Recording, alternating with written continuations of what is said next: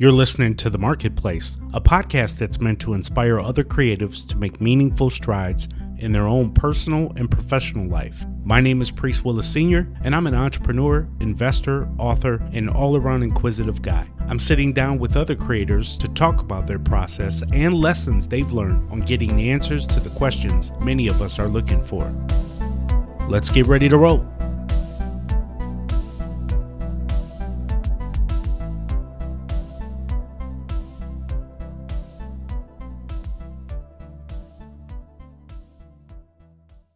Today I'm joined by Patrick McGinnis, who is a venture capitalist and private equity investor who founded an investor group after a decade on Wall Street to provide strategic advice to investors, entrepreneurs, and fast growing businesses. In this capacity, he has worked in a range of settings from building startups from the ground up in Silicon Valley to acting as an expert consultant to the World Bank in Latin America, Africa, and the Middle East. Patrick is the consummate 10% entrepreneur. In fact, he wrote a book, The 10% Entrepreneur. He has built a diverse portfolio of investments outside of his day job. This portfolio encompasses fast growing new ventures in the US, Latin America, Europe, and Asia, including Ipsy, the world's largest online beauty community. Bluesmart, the inventor of the world's first smart connected carrying on suitcase, and Afiniti, a big data company that is reinventing the call center industry. He has also been a partner in multiple real estate investments. Listen, Patrick is the guy we need to hear from because he's tapped into so many other ventures outside of what would be considered his quote unquote day job. So, without further ado, here is my man, Patrick McGinnis. Thank you to our sponsor, Thrive Theme, for today's episode. Thrive Themes has blazingly fast WordPress templates and plugins built to get more traffic, more subscribers, more clients, and more customers for you. Thrive Themes makes more than just themes. The company is well known for its powerful array of marketing tools and plugins for WordPress, such as Thrive Leads, Thrive Content Builder, and Thrive Headline Optimizer. I use them and I've created a site and a plugin for a site called I want to be an affiliate.com literally in a matter of 30 minutes. I downloaded WordPress, plugged in Thrive Themes, and it worked fine. Go into today's episode, click on the link that says Thrive Themes, and you'll be taken to their site. You definitely want to give them a try. Thrive Themes, a blazingly fast WordPress template and plugin for your site. Hey, Patrick, welcome to the show. Great to be here. Yeah, excited to have you. So, as I was kind of mentioning offline, I read the book, which is why I'm really excited to share with our audience here. But your life is like an onion. It kind of has a lot of layers to it. And did it make you cry like an onion does? it did. I I teared up towards the middle a little bit. But I I think that's why this this conversation is even more important because there are a lot of layers and complexities to people, entrepreneurs, whatever the case is. And I think your story will resonate with a lot of our listeners today. So, why don't you tell the people a little bit about yourself? Sure. I grew up in the state of Maine. I live in New York City and I've been here for most of the last 20, 15, 20 years the concrete jungle. Exactly. Although I live in the village, so I have a view of the sky. It's not so bad. I'm near the river. And I come from a very small town, actually. But when I was 18, I went off to college. I studied at Georgetown in the School of Foreign Service, and I fell in love with Latin America. I ended up living in Latin America as a student and then later working on Wall Street. And I was back and forth to Latin America, first as a banker, then for a mercifully short amount of time. And then I became an investor and started investing in tech startups in Latin America, eventually went back and got my MBA at Harvard Business School, and then started investing in companies all over the world. I'm sure we'll discuss more, but I've gone on to do some other things since that time. But is that the Dirigo Advisors? Yes, Am I pronouncing? That's right. That's my company now. So I started that about seven years ago. Got it. So your main focus up to this point, and we're going to get into the book a little bit, but your main focus has been basically being a VC. Yes, being a VC and a private equity investor. That is the that's kind of has been my education as a professional. So this is interesting. You mentioned Latin America, which I've done work with Lenovo, and Lenovo has some penetration in Latin America, but outside of Mexico City, there doesn't seem to be tons of money there. And I could be wrong, but one of the things that I've positioned with Lenovo is like, hey, we should consider Bitcoin. Overstock is getting into it and all that other good stuff. Is there really that much opportunity that you've had some inroads into Latin America? Yes, Latin America is actually a very attractive market. It is not oftentimes the first place people go, right? Because they think, okay, US is the biggest market, then you know maybe Europe, then of course Asia and China. But Latin America is a is a region with, I believe, the number is about you know between 600 and 700 million people in it. It is one language, so you can attack that with one solution. It is reasonably prosperous. I mean, depending on the place where you go, it's been a place that's really started to spawn a lot of innovation. So it is a really relevant market, but it's not an easy market. You got to know what you're doing. You got to have the right people around the table, and so it's obviously part of what I've done over my career is make tons of mistakes and learn how to do things the right way. Mm-hmm. And I want to talk about some of those mistakes and in doing things the right way too. Let's just take a step back a little bit. So you mentioned Georgetown, then going to Harvard Business Schools. Has that always been the type of person you were, focused on business, getting into economics, or is it that you graduated after high school and just had this rebirth of Patrick? It seems like you, unlike many other people out there, are doing exactly what you went to college for, which obviously is a lot different for other people who go to school and come out and are in a field that is totally unrelated to what they went to school. I love how it looks that way from the outside. it really does look like that, that to me. Well, you know, it's funny. So when I was going to college, I knew that I wanted to do something international just because I guess because I'd never done anything international and I read about it and I was interested in languages and things. But as a kid, I never left the country actually. I never left America until I was 20 years old. Mm. But I was in the School of Foreign Service studying international relations and all my classmates were kids who had like grown up all over the world and I you know, I was just sort of trying to make my way and um, you were just Patrick from Maine. Yeah, exactly. I was like trying my best to fit in. But I loved the topic, and I thought I wanted to go work in, in government in Washington. So I was, you know, studying in Georgetown, which is in D.C. I had a, a little uh, internship on the Hill, and then I won this scholarship from the Rotary Foundation to go study in Argentina for the year. And I left the country, this American kid with my khakis and my fleece and my white baseball cap and my Asics sneakers. And I came back wearing like black jeans, a leather jacket, slick back hair, totally Latin. Um, I learned Spanish.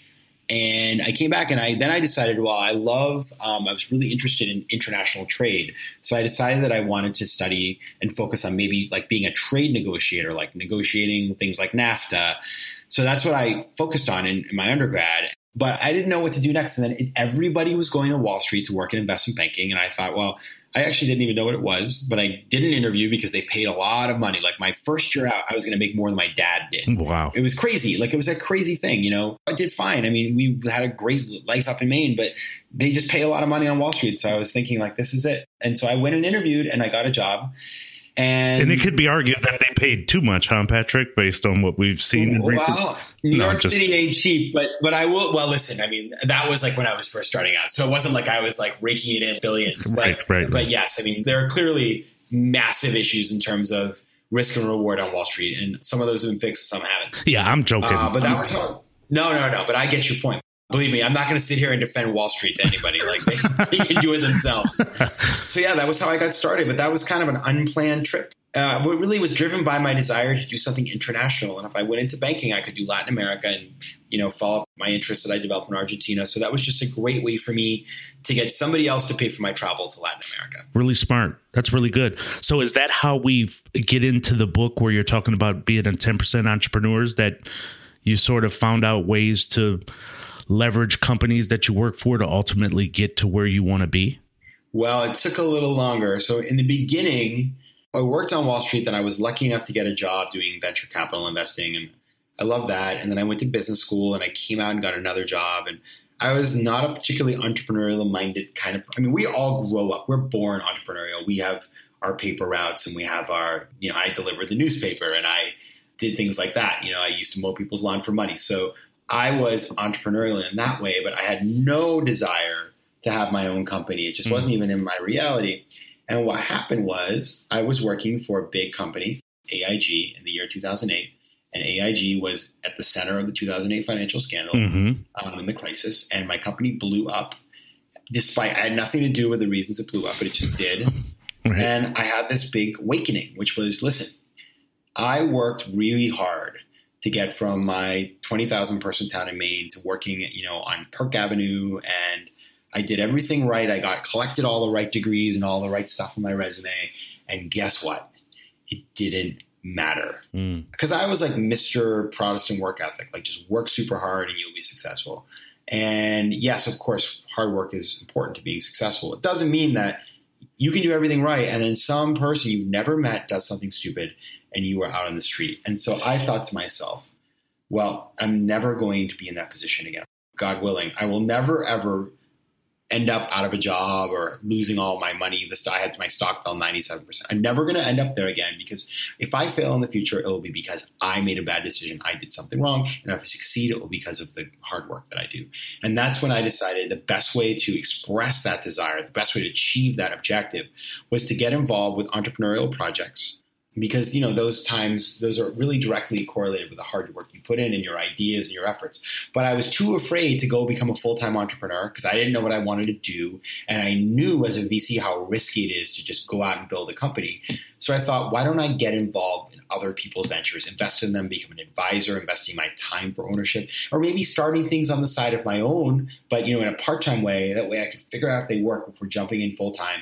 And that is what i started calling being a 10% entrepreneur because I decided I was going to try to dedicate a minimum of 10% of my time and money to doing exactly that. I like that. It's a really bite sized approach towards entrepreneurship, which I can appreciate because a lot of people sometimes you get this perspective from people that you should just quit whatever you're doing full-time job that is and just go into entrepreneurship as if it's that easy and people have families they have responsibilities they want to eat and just doesn't necessarily work out that way. So I love the perspective of being a 10% entrepreneur.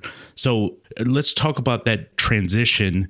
You know, obviously you kind of found yourself out on the street as you put it. And it's funny you're saying this cuz I'm flying from London yesterday and as I'm on the plane, I'm looking outside, and there's nothing wrong with the guy who's loading up the bags on the airplane, but I'm looking at him and I'm thinking to myself, it's a simple firing and losing a few things that I could be forced to having to do that right? Yes. And so if you're not creating something and things on your own, you're subject to everybody else. So you've seen that very clearly. Yeah. How did you begin that transition? How did you work towards that?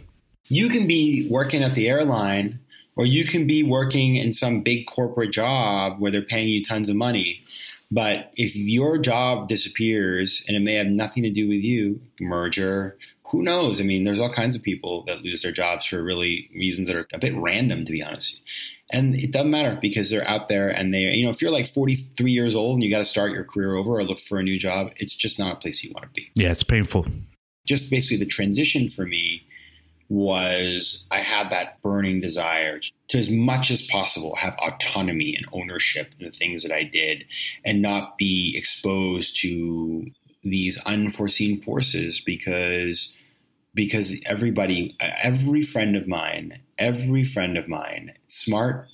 Some of these people have done very well, and they're brilliant people, and they're well educated. They have great resumes, and they're just great. Every one of them has had a massive, massive career implosion, running out of money. Like we're like lending. The, I mean, it's just it all it happens to everybody. Mm-hmm. That was my transition, and so I just decided that I was going to be an owner of all kinds of different things so that I would have part of the upside of those things and be diversified. So, Patrick, what do you say to the person, though, that in your position who is saying, look, I don't want to be trapped in a position where I'm working, you know, for someone all my life, but I know I can't leave today yep. and I want to move to that 10% entrepreneur, but I really don't even have any money to do 10%. What would you say to that person? So, you don't have to have money necessarily because nowadays Priest, you and I could get together, come up with an idea, put up a website, start advertising on social media, probably start doing sales pretty quickly mm-hmm. with like almost no money, right? Mm-hmm. How much does it cost to put a website up? It's like eight bucks a month. Yeah, I mean, to host it, we're talking about eight bucks a month. WordPress is free. You could join affiliate programs for free and do it that way. I mean, you're absolutely right. There's so many ways to attack it. You can survey people to see if the idea is good for free. What used to cost when I started my career as a VC hundreds of thousands of dollars to build a website.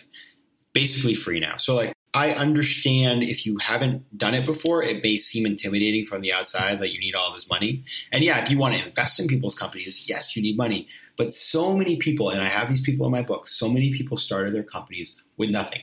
I love this story. This is so inspiring. I had a woman that I met.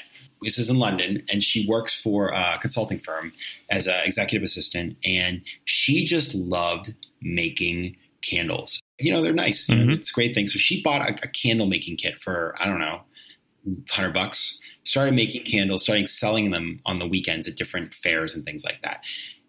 Fast forward a couple years later, She's now making many tens of thousands of dollars a year selling these candles. She's now in national retailers. She never invested any money in this thing. She just grew it slowly on the side. And this is not like some high tech business either where she had to program something. She just put up a little website. So that's the thing that's great about entrepreneurship is because of all these new tools and because of the new ways we can sell to people, you don't need to have tons of money. You do need to put time aside and mind share aside and try things and maybe make a mistake, but that's fine. It's all in your control. Yeah. Do you think that's the biggest piece, Patrick? Is that a lot of people, it's not necessarily the money, but they let the analysis behind them having to start a business essentially paralyze them in doing it? Oh, for sure.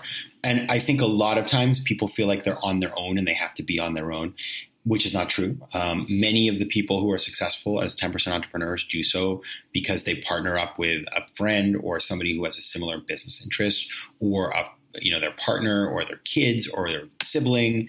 Um, it is a mindset issue these days. Anybody can do this, and so the people who tend to not end up doing this are people who have an idea or a dream or maybe want to do this, but they start telling themselves no before they even take one step. Mm-hmm. I'm too busy. I don't want to fail. I I'm this, I'm that. Listen, I could tell you 50 excuses why I can't do these things. You know what I mean? I mean, I listen, I can make up excuses too, and I can come up with plenty of reasons why I'm too busy or I'm too afraid. But the reality is there's no reason to be afraid because even if you fail, it's just an experiment. And if you make time, the great thing is if you choose wisely, and I we can talk about this and it's in the book. If you choose wisely, it won't feel like work. Let's talk about that though. I was going to bring that part of it up is that when you are I hate using this word, but I have to. When you're passionate about something or you enjoy doing something, it's part of the fabric of who you are and it doesn't feel like work. But when I hear people say I'm hustling, I'm grinding, and they're on Instagram, like just staying up, I mean, how fake have we become in this society about being an entrepreneur? Talk about that a little bit. What is the difference between the guy that's just doing it and it, it's just an engine of who he is and the guy that is trying to have the look? It's so true. I love that you said that because I call that. So I have a concept that I wrote about in the book called Entrepreneurship Inc. And that is the industry of people that make money off of you mm-hmm. by getting you to pay for things or buy things that make you think that you can become entrepreneurs, even though what they're selling you is complete BS. BS. Yep. You could say bullshit so, too yeah, if you want to. I, well, you know, there may be children. that's that's true. Um, that's true. You know, I follow some of these Instagrams just to know what what people are doing. I always like learning and seeing what people are up to. And I mean, I, it's not supposed to be that damn hard. Yes, it's hard work, spend less time Instagramming how hard you're working and just go do some work. Right? That's right. And I mean, I get it. I think it's inspiring, but like people spend their time writing inspirational quotes about entrepreneurship. I learned early in my career, maybe because I worked on Wall Street where there's just none of that. It's like, just do the work, then go home. I work in a co-working space and I look around and like nobody does anything all day. Like people are just like, I don't know why these people spend their days. And I'm like, I get in there, I work and I leave. Patrick, that is so funny. We have a big, big co working space. I won't say the name here in Raleigh, Durham. And you're in this co working space. And I swear to God, all you do is you look around and you see the people looking around at other people looking around. Like nobody is getting anything done. You want it to be collaborative. I think they feel fulfilled that they have the co-working space and they're like, okay, I'm, this is it for me. So it's hilarious that you. Yeah, I work in a WeWork. Okay, um, I, I, live three blocks from WeWork, and I love. I think WeWork's great. But there's two types of people at WeWork. There's the WeWorks and the We Don't Works. you know what I mean? That's right. That's hilarious.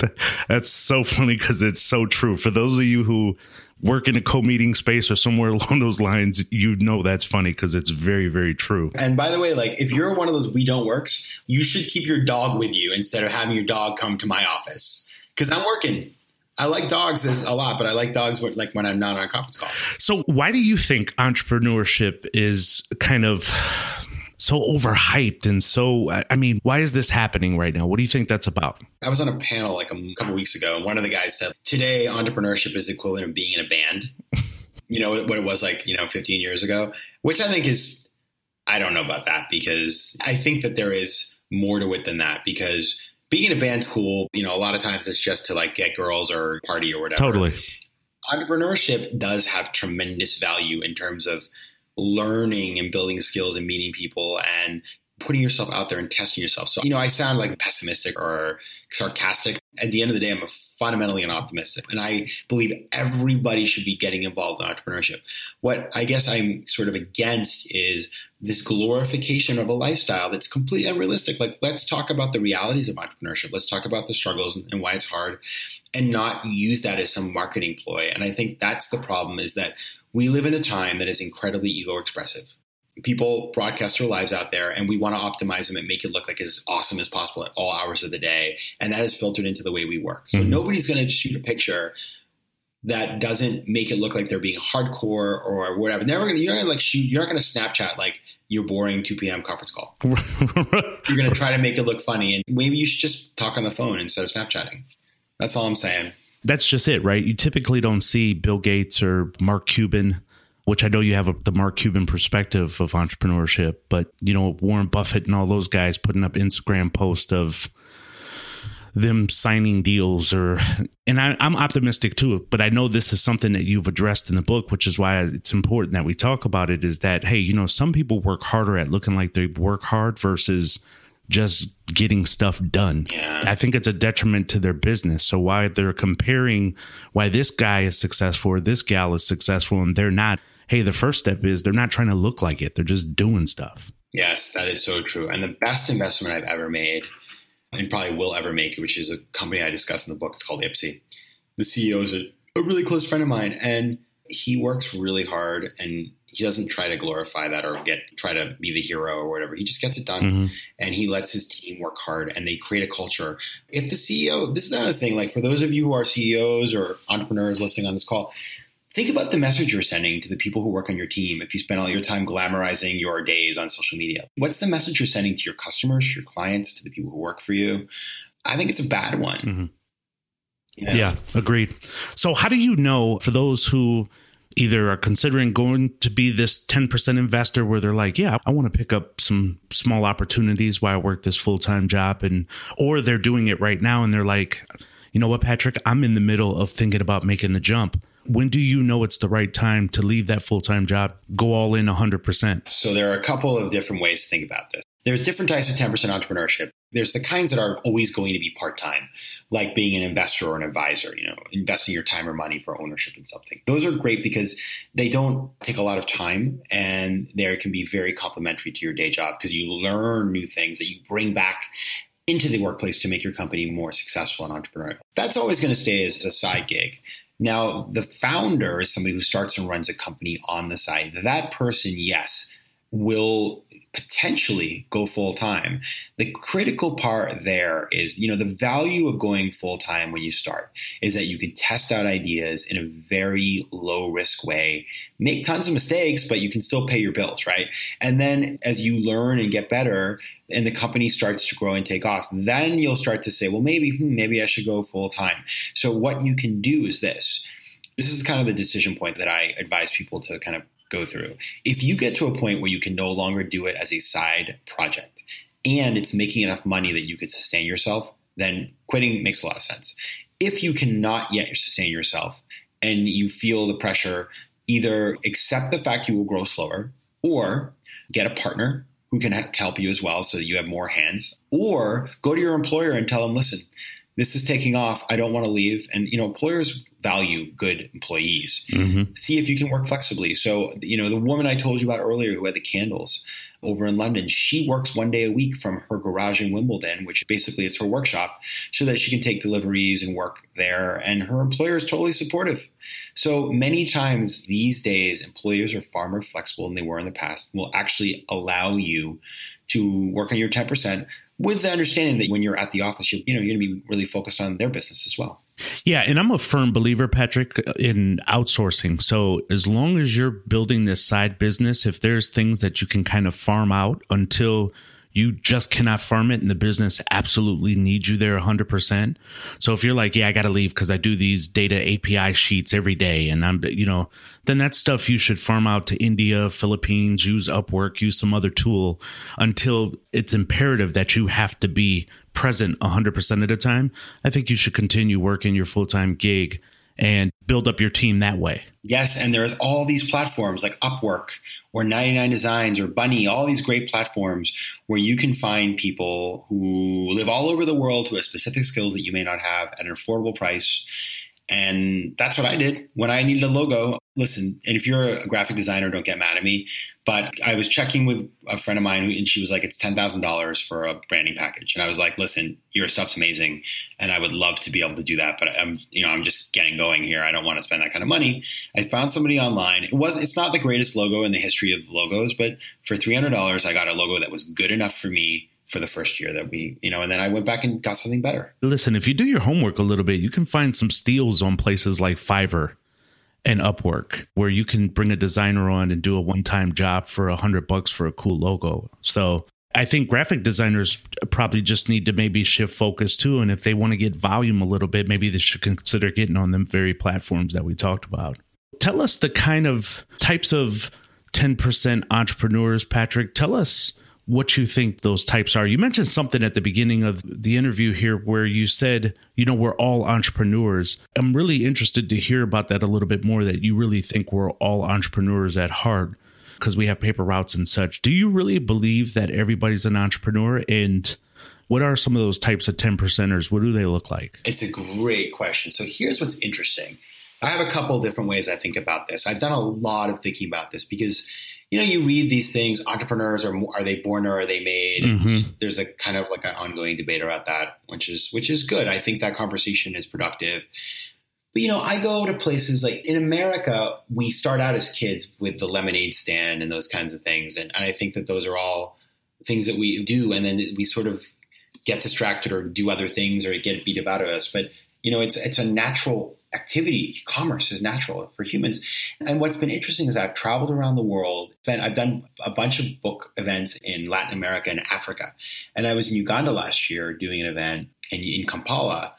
And a guy got up um, and he said, like, he was awesome. He's like, yeah, like, I really like this book. So, like, we already do this. So, thanks for telling us about it. But cool. In our society, you know, we are um, a developing market economy our labor market is with a lot of unemployment. And so people hustle. They do all kinds of different things to make their living. Mm-hmm. and so you don't necessarily have just one job. At the end of the day that's really what i'm getting at. It's the people getting up in the morning and saying how am i going to go out in the world and be successful make money you know make my life more interesting build something of importance to me personally? And so i told the guy my response was like totally appreciate that the difference is let me flip the script a little bit. This is also about creating something that's yours. So, for example, side hustles. Everybody's talking about side hustles. You know, 40% mm-hmm. of millennials have side hustles. Working for Uber as a driver is a side hustle, but it's not being a 10% entrepreneur. There's nothing wrong with it, but 10% entrepreneurs own something. They own something that is theirs that they can grow, even maybe sell one day. That's the real distinction. And so 10% entrepreneurs, I have five types in the book. It's either somebody who invests in companies with their money, invests with their time to be an owner, um, starts something and runs it on the side. That's a founder. Or somebody who is uh, the last two types are the aficionado and the 110% entrepreneur. Aficionado is somebody who engages in a project that goes after a passion. Like maybe they like cooking, and so they invest in a restaurant or an, advisor to or a founder to a restaurant and cook there sometimes.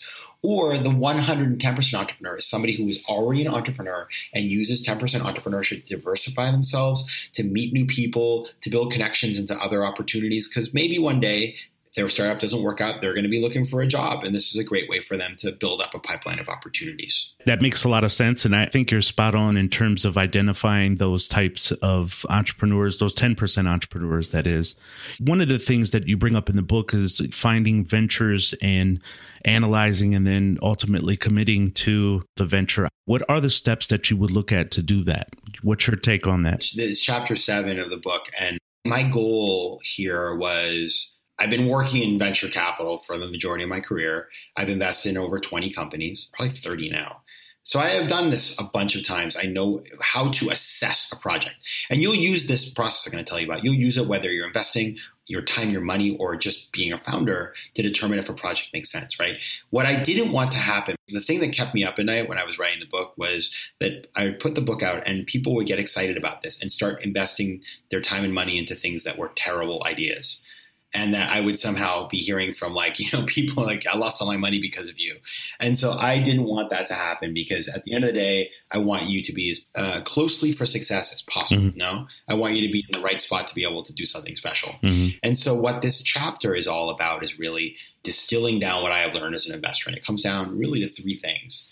The first is, I mean, it's you know, it's kind of obvious. Invest in what you know. So if you're going to invest in, a, in an industry or a company, really know something about that. You don't have to know everything because you can always go out and do the homework to find out what you don't know. I'm not out there buying Bitcoin because I just don't get it. I I don't understand it. I won't engage with that. I do things that I understand.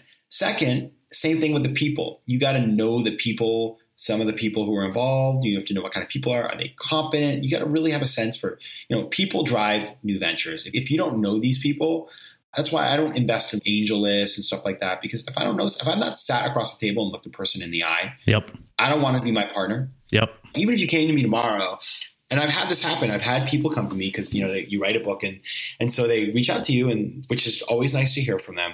But I've never met them before, and these are people who are well known. Mm. They're business celebrities, and they're like asking you to invest in their project. And I'm so thankful to be offered that opportunity, but I politely decline because I just don't know them. Right. And finally, and probably that a little different, the first two, which are a little more obvious, is you really want to know what your role is going to be because the whole point of this is not just to set it and forget it. You want to be involved. And so you want to understand what you're going to be doing, how that corresponds to the realities of your life, whether it makes sense for you. Yeah, that's really practical, strong advice. If you're looking to look at new projects or ventures or whatever it may be, in terms of taking some simple steps. And the reason why I like it, how you kind of break it down, is because sometimes we make it deeper than it has to be, right? We make it a lot more complicated than it has to be when we're looking at different projects that may work for us. And what may work for Patrick may not work for you either. So oh, yes. the last thing you want to do is run up behind him and start your own advisor group and all this other stuff because you've never been good with money.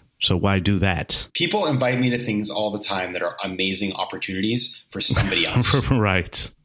You yes. I mean?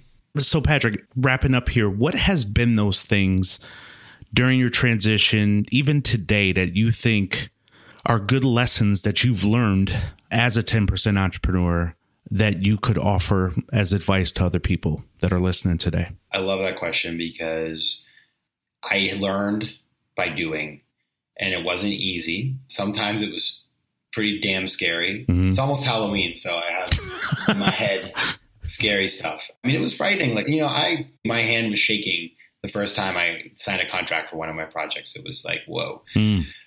Uh, what have I learned? I think number one, this is not a get rich quick scheme. This is a lifestyle. It's something you're building for the long term. So please, if you've been listening to me, I think you'll know I'm super pragmatic. Like I'm not telling you you can just do a couple things here and there and you're going to be able to retire. That is not the game we're playing here. Because mm-hmm. if it sounds too good to be true, it, it probably is. is. Yep. That's A. B is you don't have to do this alone. This is about leveraging your network, um, the people around you, and that'll make you way more successful.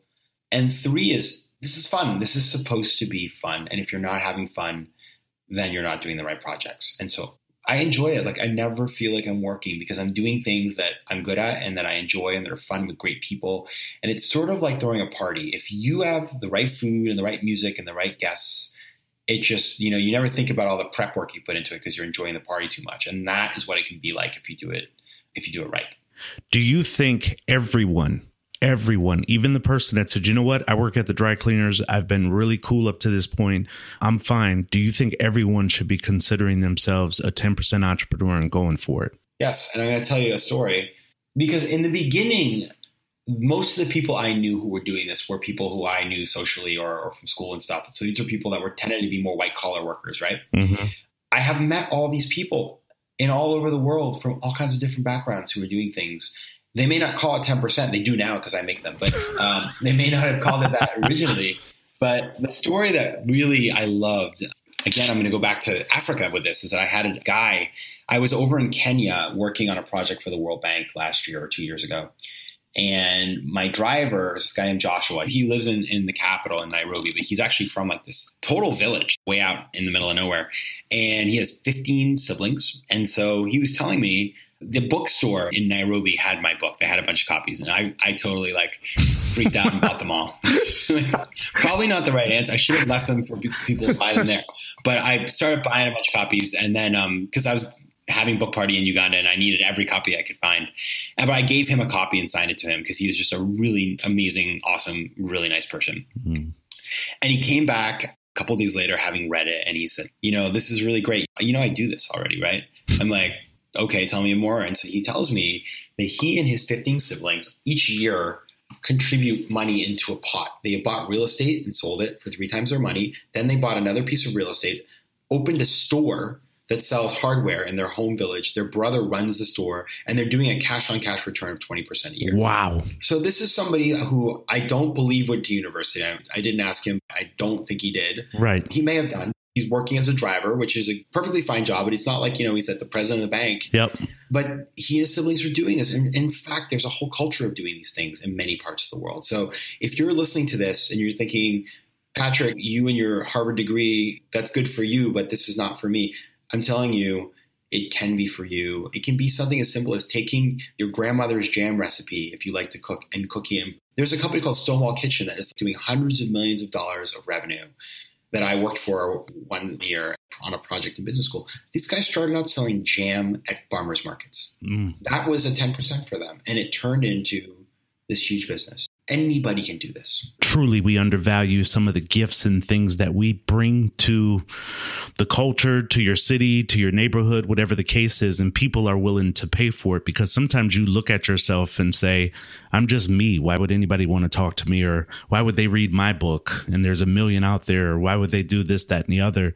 And we have to sometimes stop undervaluing ourselves and just learn how to appreciate it, put it out there, and then let that speak for itself rather than shutting ourselves down before we make a move. Yeah, and I'm going to tell you what's so interesting is I mean, I have conversations with people all the time. People who the average citizen would be like, wow, this person is ridiculous. They went to XYZ school and they worked at XYZ company, and they are just as insecure as anybody else. Absolutely. It's funny you bring that up because I know we're talking a lot about London all of a sudden, but I was in London and I was talking to a young lady who is probably in a position like that. She does really well and her and I just had an opportunity to talk separate. She brought up some points and I asked her, I said, Are you insecure? I asked her that direct question.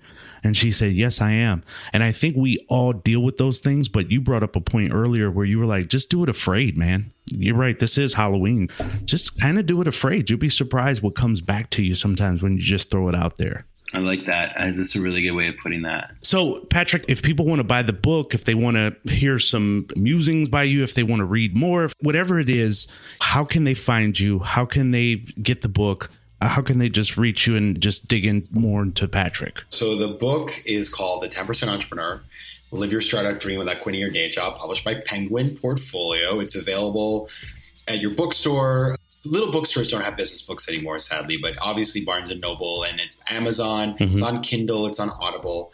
And you can also find lots of resources and, and, additional writing and all kinds of cool stuff like sample contracts for some of the things we talk about on my website. It's patrickmcginnis.com, P A T R I C K M C G I N N I S.com. You can also take a quiz about what kind of 10% entrepreneur you are. You can download a free chapter of the book. If you go to patrickmcginnis.com slash build your 10, I have a free workbook that you can actually help you start thinking about some of the things you got to do to get set up to do your 10%.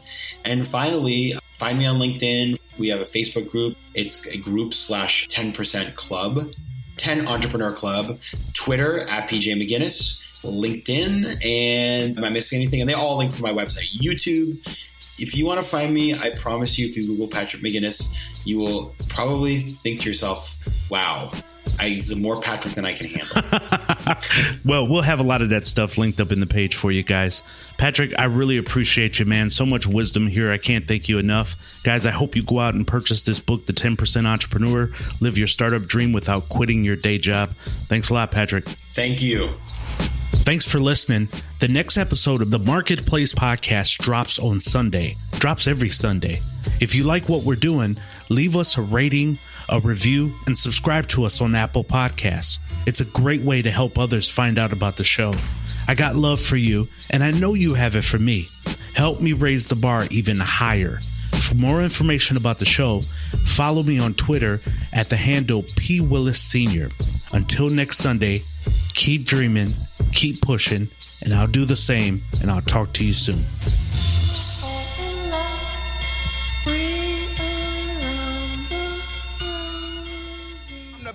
Ever. My style is impetuous. My defense is impregnable, and I'm just ferocious.